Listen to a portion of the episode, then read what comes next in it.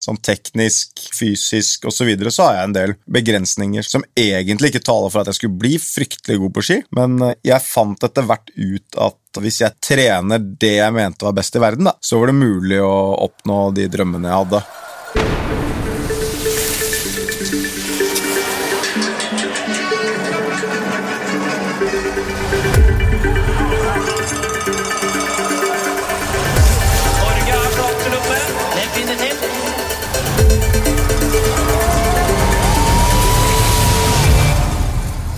Du hører på Folkefest, en podkast av Holmenkollen skifestival. Jeg heter Ingunn Vassvik Mikkelsen. Martin Jonsrud Sundby, velkommen. Tusen hjertelig takk. Du er rød gutt, og Holmenkollen er din eh, hjemmebane. Og snart er det jo festival. I forrige uke var det jo også en eh, slags skifestival med Skitur 2020. Da ble det bråstopp. Hva var det som skjedde? Ja, det var kjempesynd. S- Det var årets høydepunkt for meg, egentlig. Sånn, eh, I en mesterskapsfri sesong så var eh, nyvinningen Tour Skito 2020 egentlig det jeg så aller, aller mest frem mot. Har hatt en trøblete vinter eh, hvor jeg faktisk for første gang i livet har hatt problemer med skader. Det har jeg aldri hatt før, sånn eh, under en vintersesong. Jeg har vært veldig heldig da, i og med at jeg har gått alle disse årene uten å på en måte aldri vært, vært plaget av, eh, av typiske skader, men denne vinteren her har jeg hatt ordentlig trøbbel med, med en rygg som ikke har villet uh, være med helt, og måttet gjøre masse justeringer underveis, både i treningsarbeid og konkurranseplan, og Uh, ting har eh, det toget som på, gikk på noen slags skinner her i høst, det har sporet uh, regelrett av, og ingenting har gått etter planen. Um, fikk meg en periode med en del uh, god rehabilitering rundt juletider. Sto over Tour de Ski, prøvde å gjøre meg klar til Skito 2020. Uh, fikk egentlig ganske god respons på den uh, hvileperioden. og kom meg i bra form. Har vært fysisk bra egentlig helt siden jul, men um, midt i to, toren nå, dessverre, så eh, var ikke ryggen noe gira på å fortsette kjøret. og den skaden som lå der før jul, den ble egentlig slått opp igjen. Så jeg, det var utrolig kjedelig eh, å kjenne at nå, nå skar det seg igjen, og jeg hadde ikke noe valg, egentlig. Jeg måtte bare stå. Jeg hadde ikke klart å komme meg gjennom de to siste distansene. og Selv om det var utrolig surt, så var det eneste riktige å gjøre. Nå må jeg nok tilbake litt sånn på tegnebrettet igjen og begynne å tegne meg inn mot neste sesong, men jeg, jeg gjør et eh, jeg gjør et ærlig forsøk på en to ukers eh, lynrask rehabiliteringsprosess. Jeg har sjanse til å komme meg på start eh, i Holmenkollen, selvfølgelig. Det skal veldig veldig mye til for at jeg ikke står på startstrek der. Jeg vet du hva det kommer av at plutselig kroppen preges av skader når det aldri har vært sånn før? Det er utrolig eh, Egentlig en merkelig prosess. Det har vært en eh, Det er muskulatur i korsryggen som egentlig bare har bokstavelig talt revna. Har, jeg har gått på meg strekkskader i korsryggen som gjør at ikke musklene i, i det området fungerer i det hele tatt, og da da blir man Det blir som å få kniver inn i ryggen når man går, og det er ubehagelig. Vi vet ikke helt hvorfor det kommer, og det er kanskje det kjipeste. Å ikke ha fått helt svar på hva som gjør at skaden har oppstått. Så det blir nok en lengre ja, sånn nøsteprosess i forhold til å finne ut av hva vi skal gjøre med det, hvordan, det skal, problem, hvordan problemet skal fjernes. For jeg kan ikke gå inn i en ny sesong med dette hengende over meg, så våren blir nok handler nok litt om å finne ut av hvorfor dette skjedde, og hva vi skal gjøre for å unngå det. Og jeg er ingen ungfole lenger, så jeg, jeg, jeg, jeg er rutinert og gammel i gamet, og, det taler jo litt mot meg, sånn i forhold til at uh, ok, kroppen har fått kjørt seg over veldig mange år. Kanskje den sier fra at nå begynner det å bli nok, men um, jeg tror uh, jeg skal klare å fikse dette her, jeg skal komme tilbake fra det, men det, er, det blir en utfordring, selvfølgelig. Så får vi se hvordan tiden fremover blir. Er du kommet dit hen da at kanskje siste sesong neste år? Jeg har i hvert fall kommet dit hen at jeg ikke har planlagt noe lenger enn neste år. Jeg har, uh, det har blitt litt sånn denne vinteren her at jeg allerede har begynt å kikke frem mot Oberstdorf-VM, som kommer i 2021. Um, Det kan bli mitt siste mesterskap. Jeg, jeg sier ikke med to streker under svaret at det blir mitt siste mesterskap, men det kan bli det, og det blir definitivt mitt siste VM. Så det er jo Det er liksom helt avgjort. Og jeg gleder meg veldig til det mesterskapet. Jeg, jeg har jo merka nå, sånn litt på tampen av karrieren, at jeg det er nok mesterskapene som driver meg mer nå enn de vanlige World Cup-helgene. Og det har vært litt sånn i vinter òg, sannsynligvis fordi at ting har gått uh, skeis. Men jeg, eh, jeg, jeg jeg kommer til å legge en meget god plan frem mot neste år for å komme tilbake i mesterskapsform og prøve å hente nye medaljer. Det er, det er liksom målet. Men um, det er alltid surt å være idrettsutøver når ting ikke fungerer som man vil. Uh, og så vet man at det er sånne situasjoner oppstår, og de aller aller fleste idrettsutøvere har vært innom en eller annen periode hvor ting ikke har gått helt som de drømmer om. Der er jeg litt nå, men um, det er, um, er det nå, nå er det noen dager igjen til Holmenkollen, så jeg, jeg ber om at ting skal fungere frem til det. Du smiler i hvert fall, det er et steg i riktig retning, tenker jeg.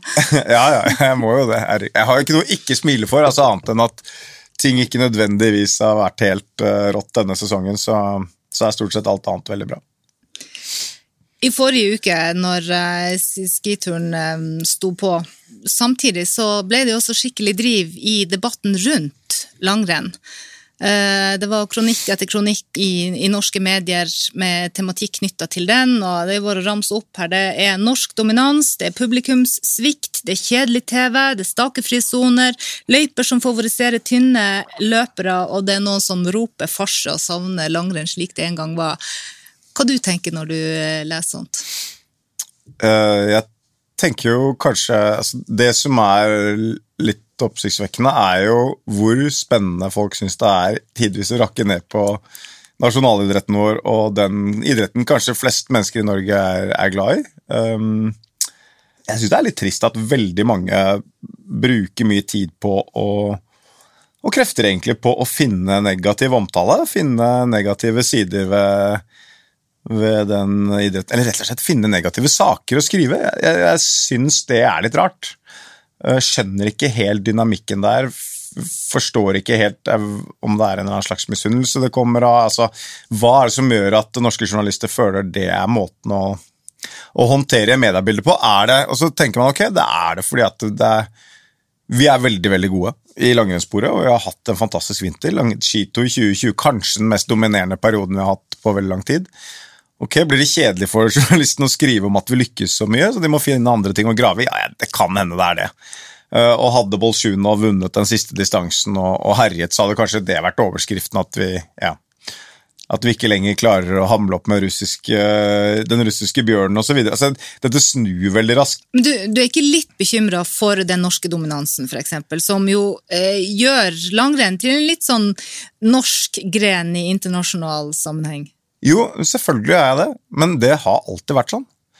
Jeg, jeg, altså jeg vokste opp med langrennssporten, og jeg vokste opp med at Bjørn Dæhlie og Vegard Ulvang henta alle gullmedaljene i OL i, i 92. Jeg vokste opp med at Bjørn herja i, i langrennssporten når han øh, og, så, og så kom Thomas Alsgaard, og så kom Frode Estil, og så kom Altså, jeg vokste opp med at nordmenn øh, dominerer langrennssporten, og har alltid gjort det med innslag av altså på en måte Det var jo tider hvor det kun var Vladimir Smirnov som var i nærheten av å hamle opp med de norske utøverne. og Det var jo fantastisk spennende likevel. altså på en måte Det var jo mine helter, og det var de forbildene jeg hadde, og de som gjorde at jeg hadde lyst til å ut og trene i skogen. Det var jo de norske utøverne. Det var jo ikke nødvendigvis Smirnov. Jeg tror totalt sett så kan man godt male et skummelt bilde av eh, fremtiden til langrennssporten fordi den norske dominansen er stor. Men den har alltid vært eh, gigantisk, og det har variert. Og jeg, jeg tror, ja, enhver idrett tjener lite på at én nasjon er dominerende. Eh, Og spesielt en liten idrett som langrenn. Men eh, mm, jeg tror likevel at den, selve idretten står ganske sterkt. Men, men vi er veldig avhengig av at vi også internt er flinke til å snakke opp vår egen idrett. Og der, Det er vel kanskje det eneste som bekymrer meg litt, at vi har renndirektør, vi har renndirektører i internasjonale langrennsforbundet FIS som, som på en måte er utrolig gode til å nedsnakke sin egen idrett. og Det, det liker jeg ikke. Eh, og, og vi må være flinkere enn vi er i dag til å på en måte Ok, langrennssporten er det den er, men det er ikke noe annet enn det den er heller. Vi må ikke prøve å late som vi er noe annet enn det vi er. Vi må ha en sterk, identitet rundt det langrennssporten faktisk er. Selvfølgelig små utviklingspotensialer, men, men, det å gjøre store store endringer i langrennssporten, det har jeg liten tro på. For vi, vi, har en identitet som vi er nødt til å ta vare på. Du kan ikke fjerne ryggraden fra en, en idrett for, det, for å tilpasse den uh, det året eller den trenden den er i til enhver tid, men, men, selvfølgelig gjøre kloke vurderinger på hvordan idretten skal se ut videre. Eh, Rekrutteringa blant barn har jo også vært tematikk i vinter, hvor, hvor man ser at, uh, at, frafallet for barn som driver med, med, langrenn, er betydelig, og at man ikke, og også ikke klarer å rekruttere inn. Um, hva du tenker rundt det? Uh, ja, først, først, og fremst så tenker jeg at jeg er jeg observerer ikke det samme problematikken, egentlig. Altså, jeg kommer jo fra en klubb, eh, ikke noe stor, dominerende langrennsklubb, egentlig, men, men, en klubb hvor det er masse flotte ildsjeler som uh, står på for at barn og unge skal ha det bra. Vi har en fantastisk rekruttering i rød og langrenn. Det, er, uh, det strømmer på med barn, og i forhold til når jeg var på når jeg var liten guttunge, så er det jo mange mange, mangedoblet deltakelse blant barn og unge i langrennsgruppene nå framfor når jeg styra på på 90-tallet, holdt jeg på å si. Rekrutteringen er sterk, i hvert fall hos oss i Oslo. Og det viser jo stort sett tall fra de aller fleste Oslo-klubbene at det er utrolig stor interesse rundt langrennssporten. Sånn, isolert sett, altså på en måte som småbarnsforeldre, da, som jeg er nå, så tenker jeg at det er jo ikke så innmari farlig om det også er andre idretter barna våre syns er spennende. Er ikke det bare kjempebra, tenker jeg? Altså at uh, noen barn syns det er gøy og morsommere å dra på turning eller morsommere å spille fotball, eller at, at den samlede aktivitet, det samlede aktivitetsnivået det går opp.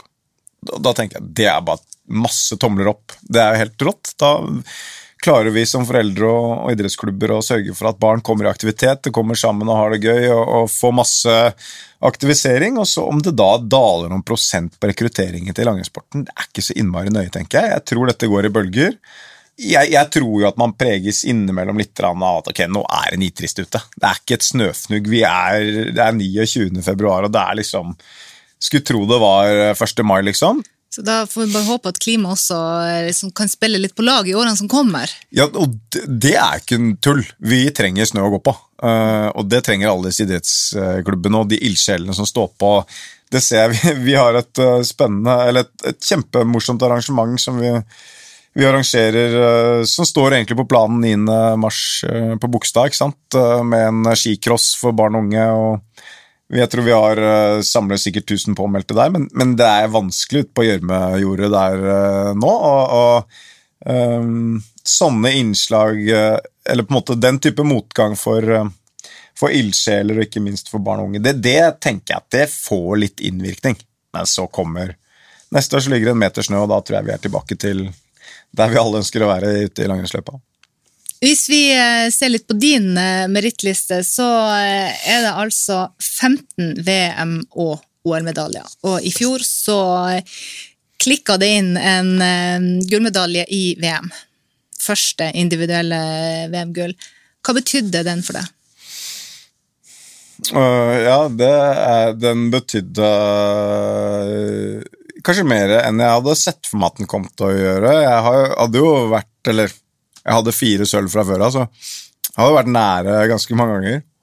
Og egentlig tenkte at ja, men det er ikke så farlig, fordi det er jo utrolig gode prestasjoner likevel. Jeg har samlet masse masse medaljer i, i mesterskap og egentlig stort sett alltid truffet med mesterskapsformer, selv om de ikke har der, den gull, gullmedaljen har dunket inn, og tenkt at ja, men uh, Jeg er jo kjempefornøyd likevel. Men det var en sånn uh, opplevelse og en uh, prestasjon som gjorde mye med hele meg, egentlig.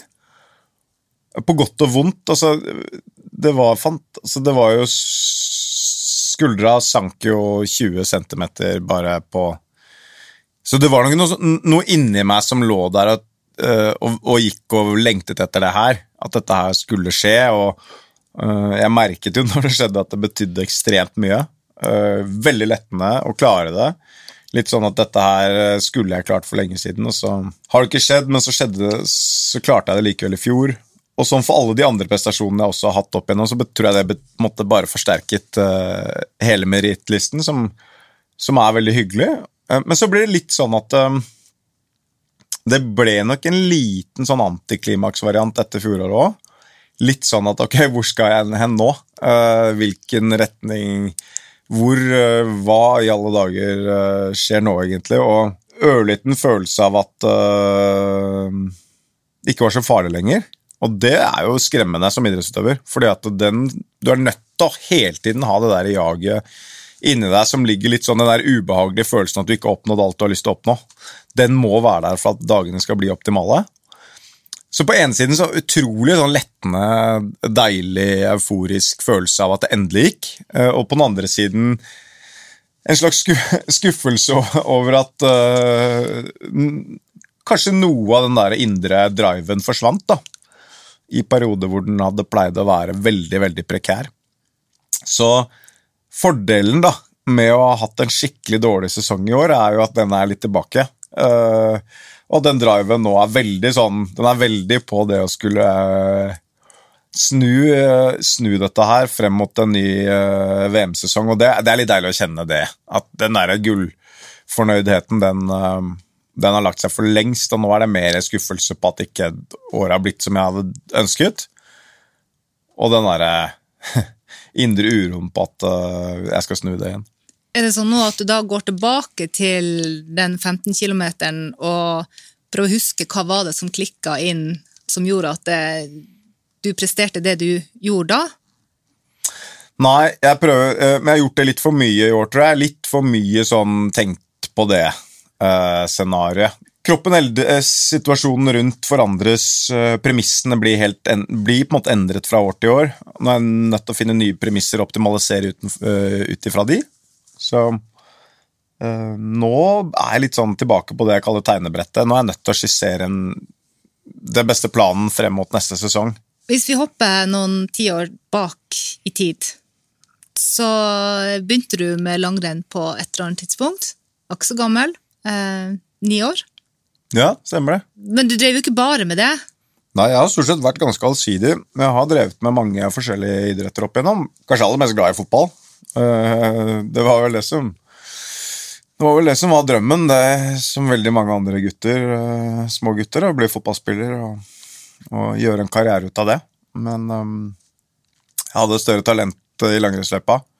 Og det blir jo litt sånn, selvfølgelig, på et eller annet tidspunkt, så forsterkes jo da lysten til å drive med det man er god på, og da havnet jeg inn i, inn i langrennssirkuset.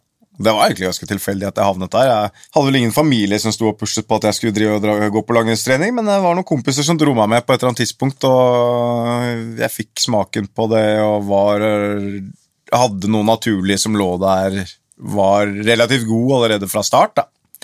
Jeg tror at det, det er jo helt naturlig, det, at når man som barn merker at dette behersker man, så får man en stigende motivasjon for å drive med det, og jeg ble ganske glad i å trene veldig tidlig.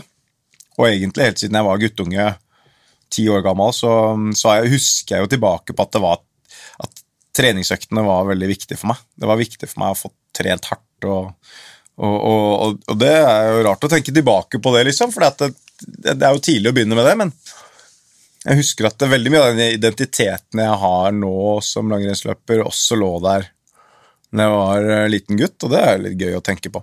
Eh, Så. Ja, Kan du huske hva, hva var det som var gøy med å trene hardt? Eh, Jeg fikk annen eh, Jeg fikk tidlig en følelse av at måte det å gå veldig fort opp bakker var At man ble veldig god av det. Eh, Og at det å stå på toppen av bakken og vente på fattern eller, eller mutter'n, det var veldig deilig.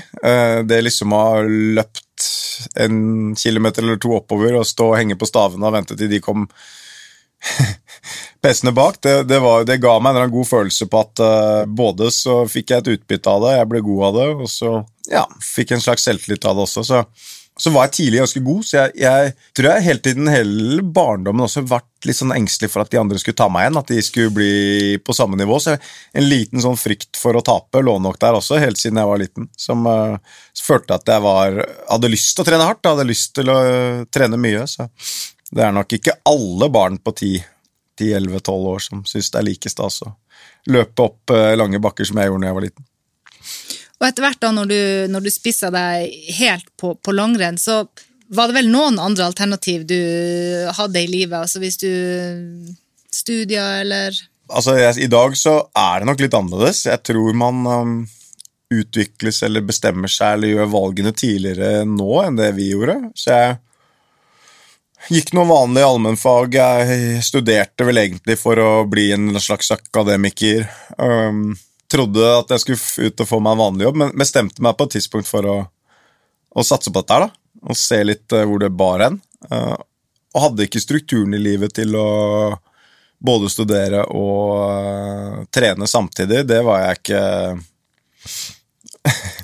Det var jeg ikke ivrig nok til. Uh, så jeg bestemte meg da jeg var uh, ja, rett før jeg fylte 20, så sa jeg vel til meg selv at ok, da dropper jeg de studiene her, og så gir jeg meg selv fire år på å prøve å bli så god jeg kan bli. Så får vi se når jeg er 24 hvor jeg står i livet. Og hvis jeg er i nærheten av verdenstoppen, eller har nådd verdenstoppen, så er det veien å gå. Hvis ikke så finner jeg meg noe annet å gjøre. Og da ble det langrenn som, som, som egentlig tok føringen derfra. Beinhardt arbeid, trene hardt, det har liksom vært det som har, eh, som har preget prega måten du har trent på. Når du ser tilbake nå, hvis noe skulle vært gjort annerledes, ser du noe som kunne vært gjort annerledes, som kanskje kunne gjort deg bedre, eller kunne gjort deg til en annen langrennsløper, eller Uh, altså, jeg har nok en del sånne fysiske utfordringer, eller Jeg er ikke verdens største talent. Sånn, jeg har en viss base med talent der, som gjør at jeg hadde et potensial. Mitt aller største talent var nok treningspotensialet, altså hvor mye kroppen var villig til og orket å trene. Det er nok egentlig mitt største talent. da. Sånn teknisk, øh, fysisk osv. Så, videre, så har jeg en del begrensninger som, øh, som egentlig ikke taler for at jeg skulle bli fryktelig god på ski. Men jeg fant etter hvert ut at hvis jeg trener det jeg mente var best i verden, da, så var det mulig å oppnå de drømmene jeg hadde. Men hvis noe skulle vært gjort annerledes, så var det at jeg brukte veldig mange år på å skjønne det. Uh, jeg, uh, det var ikke før jeg var rundt 7-28 at jeg virkelig skjønte åssen ting måtte gjøres. Og det er sju år for seint. Det burde jeg skjønt mye tidligere. Kunne kanskje også fått en annen karriere hvis jeg hadde skjønt det tidligere, men sånn, sånn, var det ikke. Jeg var relativt middelmådig ganske lenge. Um, men, men omsider så klarte jeg liksom å å løse det puslespillet. Det handlet om hvordan, hvordan, jeg skulle bli best. da. Hva som måtte til for at jeg skulle ta de siste stegene.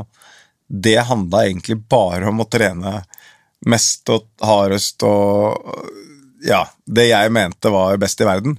Hvis jeg gjorde det, så hadde jeg kjangs. Og det ble en del år med den type trening. Det er klart, Da ble det jo litt snakk om det også, for jeg lykkes med det. Og, og som utøver så var det min måte å gjøre det på. Er den overførbar til andre, tror du, sånn ganske uten videre, eller må man liksom på hver enkelt utøver bruke mye tid på å finne ut hva er det som er den optimale eh, treningsformen eller treningskombinasjonen? Jeg, jeg, jeg, tror jo egentlig at uh, veldig mange av utholdenhetsutøvere, som vi er, da, altså vi går i den kategorien, bruker en del år på å skjønne det. Og så ser man sånn som nå, ikke sant, så ja, for et eksempel med Paul Golberg, da, som nå vinner eh, i 2020. Han uh, er 29. Um, fantastisk potensial, egentlig, helt fra junioralder. Og alle har gått og ventet på at det skulle løsne for Paul uh, lenge for dem. Så er, er det humper i veien, og det er litt sånne uh, barrierer man må enten over eller rundt eller under, og så tar ting litt lengre tid enn man uh, tror. Og så har du det helt, selvfølgelig helt i motsatt skala, som Bolsjunov og, og Johannes Klæbo, som, eh, som, når målene sine veldig tidlig, i en alder av 21-22-23 år. ikke sant? Som, som, kanskje er litt motsetningen, men, men, det viser seg nok at eh, de beste utøverne når en sånn peak rundt 28-29-30. Uh, Sjur Røthe er der, Didrik Tønseth er der. Så det er veldig mange som er, er der, og det tar litt tid å skjønne åssen kroppen fungerer. og det er, man kan ha, Jeg tror grunnen til det er fordi at det lages veldig mange maler i forhold til at sånn skal du trene, sånn skal du gjøre det. Dette gjorde de, dette gjorde han. Dette har vi tro på. Dette er den norske idrettsmodellen. Og så passer det bare sånn 80% egentlig, for deg som utøver. Det, det er 80% av den Eh, malen passer eh, hver enkelt, mens 20% ikke passer. Og hvis 20% ikke passer, så blir du ikke best, og du er ikke i nærheten av å nå verdenstappen. Og de 20 må du sannsynligvis finne ut av sjøl. Og det kan ta litt tid, og for meg tok det jo altfor lang tid. Men jeg klarte å finne ut av det til slutt. Du har holdt på i mange, mange, mange år. Hvis du skal peke på én ting som har drevet deg fremover? Eh, ja, altså Sånn motivasjonsmessig så har jeg vel alltid vært livredd for å tape. Uh, og det høres helt merkelig ut, men det er egentlig Det har drevet veldig mye av karrieren. At jeg har vært helt siden jeg liksom Jeg vant mitt første skirenn da jeg var ni år. Det var det første skirennet jeg gikk. Det vant jeg med 50 sekunder på to kilometer. Og siden den dagen så var jeg vel redd for at folk skulle ta igjen det. Men, men, jeg har jo vært langt nede og jeg har jo vært langt nede på resultatlista øh, siden det også. Men likevel den der frykten for å liksom ikke være god, den har drevet meg. Mens jeg kanskje mer de siste årene har blitt drevet av det der, den følelsen av å den, den, indre følelsen av at man har gjort noe ekstremt eller gjort noe eh, veldig veldig bra, eller forbedret seg bitte litt på et eller annet lite man har som mål. altså den de små forbedringene i hverdagen er kanskje det som de siste fem, seks, syv årene har drevet meg aller mest. Det å se at man utvikler seg. Ikke nødvendigvis på resultatlista eller uh, at det er et eller annet som skjer, men at i treningen så ser man at man gjør små forbedringer. Det er ekstremt motiverende. Hvordan kom du dit at det var liksom de her små justeringene som drev deg fremover, og ikke nødvendigvis resultatlista? Uh, jeg, jeg, fikk en sånn uh, Det ble en liten U-turn egentlig i min karriere på et tidspunkt i 2000 2011, egentlig bare noen måneder før vi skulle ha VM på hjemmebane, så det, det var litt sånn ut Jeg fikk litt hjelp utenfra. Møtte et menneske som uh, var flink til å se meg, da, eller som så hvem jeg var som utøver, og hvilket potensial jeg hadde, og ikke minst uh, hvordan jeg kunne gjøre endringer, og, og hjalp meg litt inn på et nytt spor. Og det sporet har jeg vel fulgt da siden 2011, hvor det handlet da i større grad om å påvirke egen hverdag framfor å nødvendigvis påvirke alt mulig annet rundt meg. da. Uh, og, det var, og det var nok litt sånn Hadde ikke det skjedd, så kan det hende at jeg hadde vært rimelig middelmådig resten av karrieren, men, men uh, fra, fra møtet med denne, denne fyren så, så klarte jeg å revitalisere karrieren på et eller annet vis. Altså, jeg, jeg fikk et litt annet fokus. Klarte å, å jobbe mer mot, mot, meg og hva jeg kunne bli bedre på, enn å, enn å tenke på alt mulig annet. Hvem var han? Det, jeg møtte For meg så var Erik Bertrand Larsen ekstremt avgjørende i en periode. Hvor jeg eh, lå litt sånn og vaka, fant ikke helt ut av disse 20% som vi snakker om. Men han, eh, han hjalp meg på rett spor der, og egentlig griseflaks at jeg møtte den fyren.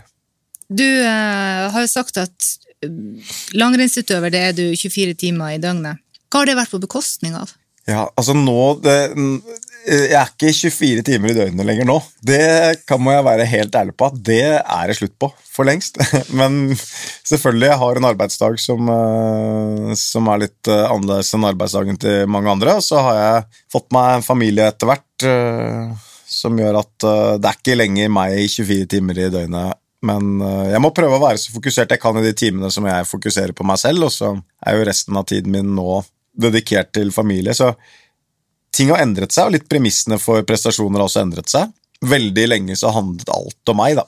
Og veldig lenge så var det liksom jeg som satte premissene for hvordan ukene, månedene og året skulle foregå, når vi kunne dra dit, og når vi kunne dra hit. Eh, og dette har selvfølgelig gått på bekostning av eh, alt mulig. Altså. Alt jeg har sagt nei til. Som jeg sier, jeg har ikke hatt en ferie siden jeg var 18 år, og da tenker jeg en ferie hvor jeg ikke har trent, eller hvor alt fokus har vært på de rundt meg, eller på å skulle nyte og slappe av. Jeg, eh, og det er en eh, det er en krevende øvelse når man begynner å få seg familie. At uansett hva du gjør, hvor du er i, i verden, så handler det om at eh, dagen skal optimaliseres treningsmessig ut ifra hva jeg skal få til, og hva jeg skal trene den dagen. Og det, det er klart man forsaker mye.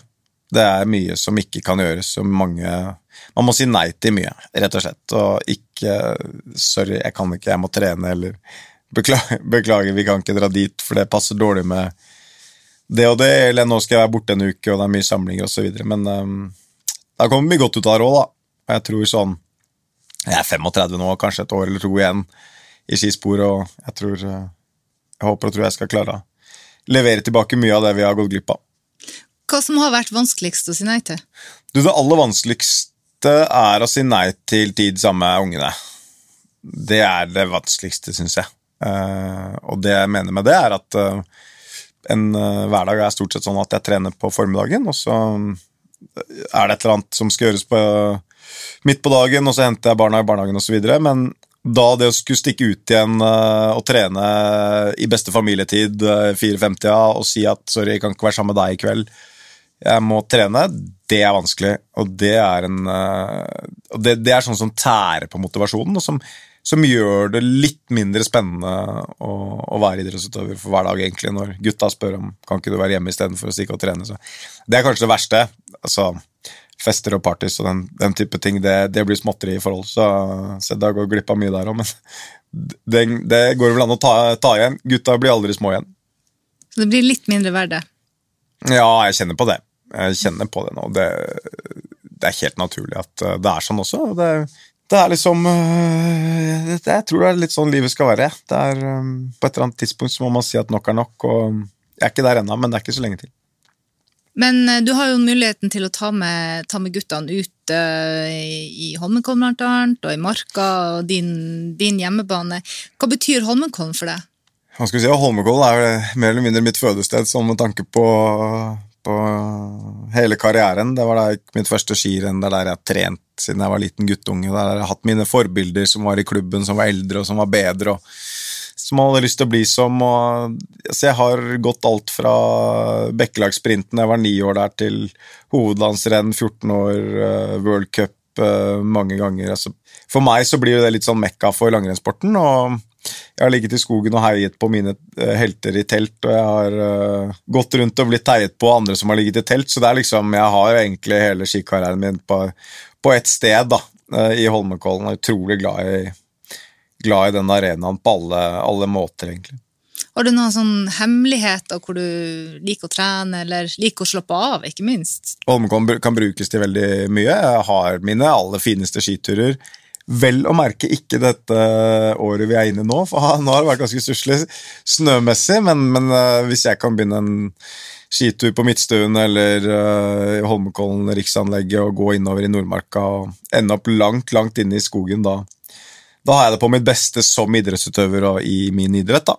Og så Hvis jeg skal komme i form til et eller annet mesterskap eller kjøre opp uh, en toppform til, uh, til, en distanse jeg ser frem til, så er det klart at det å kjøre hardøktene mine fra Styggdalen og oppover mot Frognerseteren, det, det, er vel de aller, aller beste hardøktene jeg får. så jeg, jeg, jeg, får på en måte alt på ett fat i Holmenkollen. Uh, trener jo masse der om sommeren også, i rulleskianlegget og i trappene, og barna er med og spiller bandy på asfalten eller går på rulleskøyter eller rulleski. og Det er liksom, det er en arena for alle, og jeg vet ikke, kanskje jeg kommer til å være like mye der når jeg legger opp som jeg, som jeg er nå, men uh, Holmenkollen betyr mye for meg.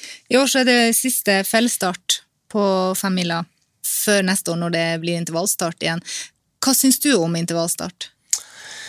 Jeg har jo vært så heldig at jeg har fått prøvd å gå den intervallstarten noen ganger. Jeg har Riktignok ikke kommet i mål så veldig mange ganger, men eh, jeg har, eh, har da noen resultater. Og femmil intervallstart og femmil fellesstart det er to ekstremt forskjellige ting. Og jeg mener jo at man eh, Selvfølgelig, jeg er den gamle skolen, så jeg må jo oppsnakke intervallstarten og tenker at det burde vært rom for en intervallstart i, på femmil, og at Holmenkollen er en fantastisk arena å få det til på. og så dessverre ser jeg at den distansen blir mindre og mindre populær. Så jeg, jeg, vet ikke hvilken retning man skal bevege seg. Det blir veldig spennende å se neste år hvordan den distansen blir. Jeg tror alle på sett og vis grugleder seg til det. Alle har lyst til å prøve seg på det igjen, for det er jo ultimate sånn prøven. Vi har gjort gjennomført det i NM nå de siste tre-fire årene, og det er liksom Resultatene og utviklingen og, og hvordan, hva som skjer med folk på den distansen, det er utrolig spennende å, å se. Og jeg tenker at uh, neste år så blir det enda enda mer spennende med verdenscup. Så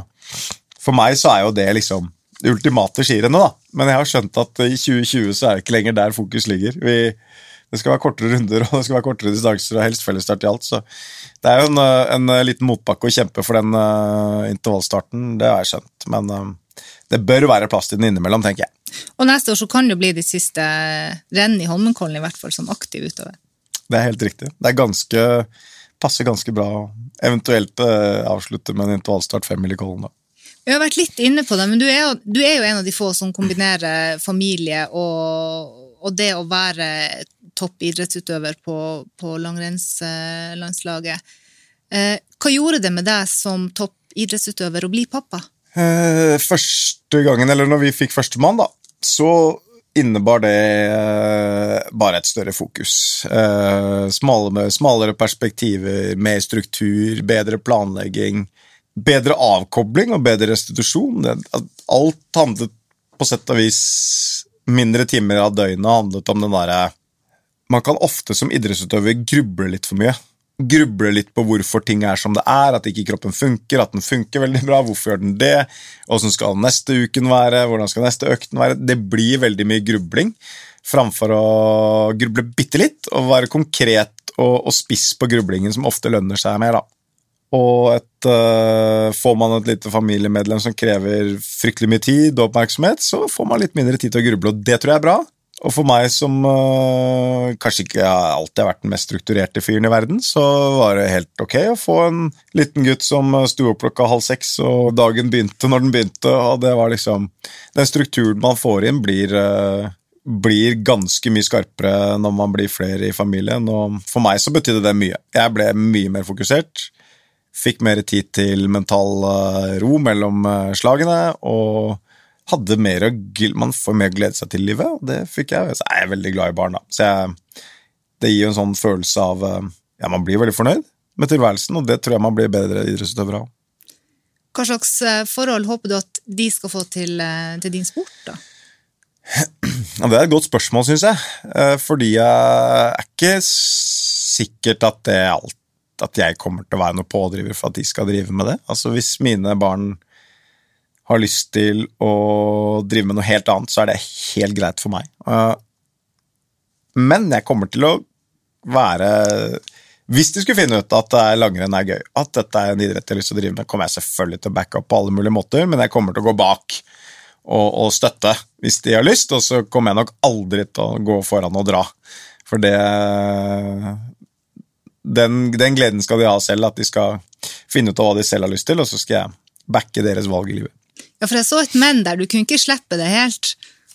Nei, men er, jeg, jeg, tenker at langrenn er en fantastisk idrett, og det som kanskje er viktigst, da, og det er åpenbart at uh, mine barn skal få gå på langrennstrening og få være en del av, uh, av uh, det miljøet og lære seg å gå på ski og lære å utvikle de egenskapene og, og ferdighetene. Selvfølgelig. Det er liksom Når du, når du heter Sundby, så må du nesten det, men men uh, veien derfra til å finne ut at, at, man faktisk skal satse på dette som en uh, idrett, eller som uh, en, et yrke, det, den veien er ganske stor. Og, og, der tror jeg ikke jeg kommer til å være noen pådriver. Der skal jeg, det er fullstendig opp til de. Og hvis de har lyst til å gjøre noe helt annet, så er det selvfølgelig greit for meg. Men jeg er glad i idretten min, og jeg tror vi kommer til å være en familie som alltid er mye selvfølgelig ute på ski i marka og på fjellet, og trives veldig godt med det. Så får vi se om de elsker å slite seg ut ute i skisporet, eller om det er noe annet jeg har lyst til. Neste år, VM i Oberstdorf. Det blir din siste sesong. I hvert fall eh, VM-sesong. Og når du da på et eller annet tidspunkt er ferdig som eliteutøver, hva ser du mest frem til å gjøre? Jeg ser aller mest frem til å våkne opp en lørdags formiddag eller en helg, eller om det skulle være en ferie, eller om det er første dagen i vinterferien eller påskeferien eller gud veit hva, og bare tenke at jeg ikke skal gjøre noen ting. Jeg skal kun være sammen med de som er rundt meg, venner og familie. Slippe å ha den der samvittigheten, for den samvittigheten når du er idrettsutøver, den er ganske krevende.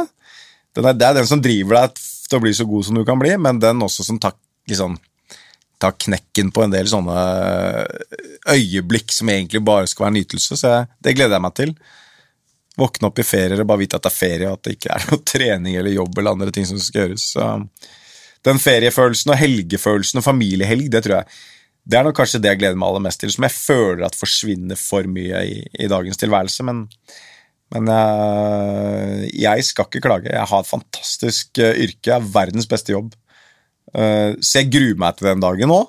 Det må jeg få si. Jeg gruer meg til den dagen jeg liksom finner ut at ok, dette skal ikke være jobben min lenger, men um, Så jeg tviholder på, jeg tviholder på den. Så det er som det jeg sier at det er min siste VM-sesong, så er jo det Ja, det kommer et OL etterpå, så kanskje det blir det, men vi får se. Men jeg gleder meg definitivt til å ha ferie. Jeg tror den følelsen med å vite at uh, da skal ikke treningen være i fokus, det blir utrolig deilig. Lykke til med tegnebrettet i tida som kommer fremover nå. Tusen takk skal du ha, Martin, for at du delte erfaring og opplevelser med oss. Tusen takk for. Du har lytta til Folkefest, en podkast laga av Holmenkollen skifestival. Årets skifest foregår 6. til 8. mars, og billetter finner du på nettsiden holmenkollenskifestival.no. Takk for følget.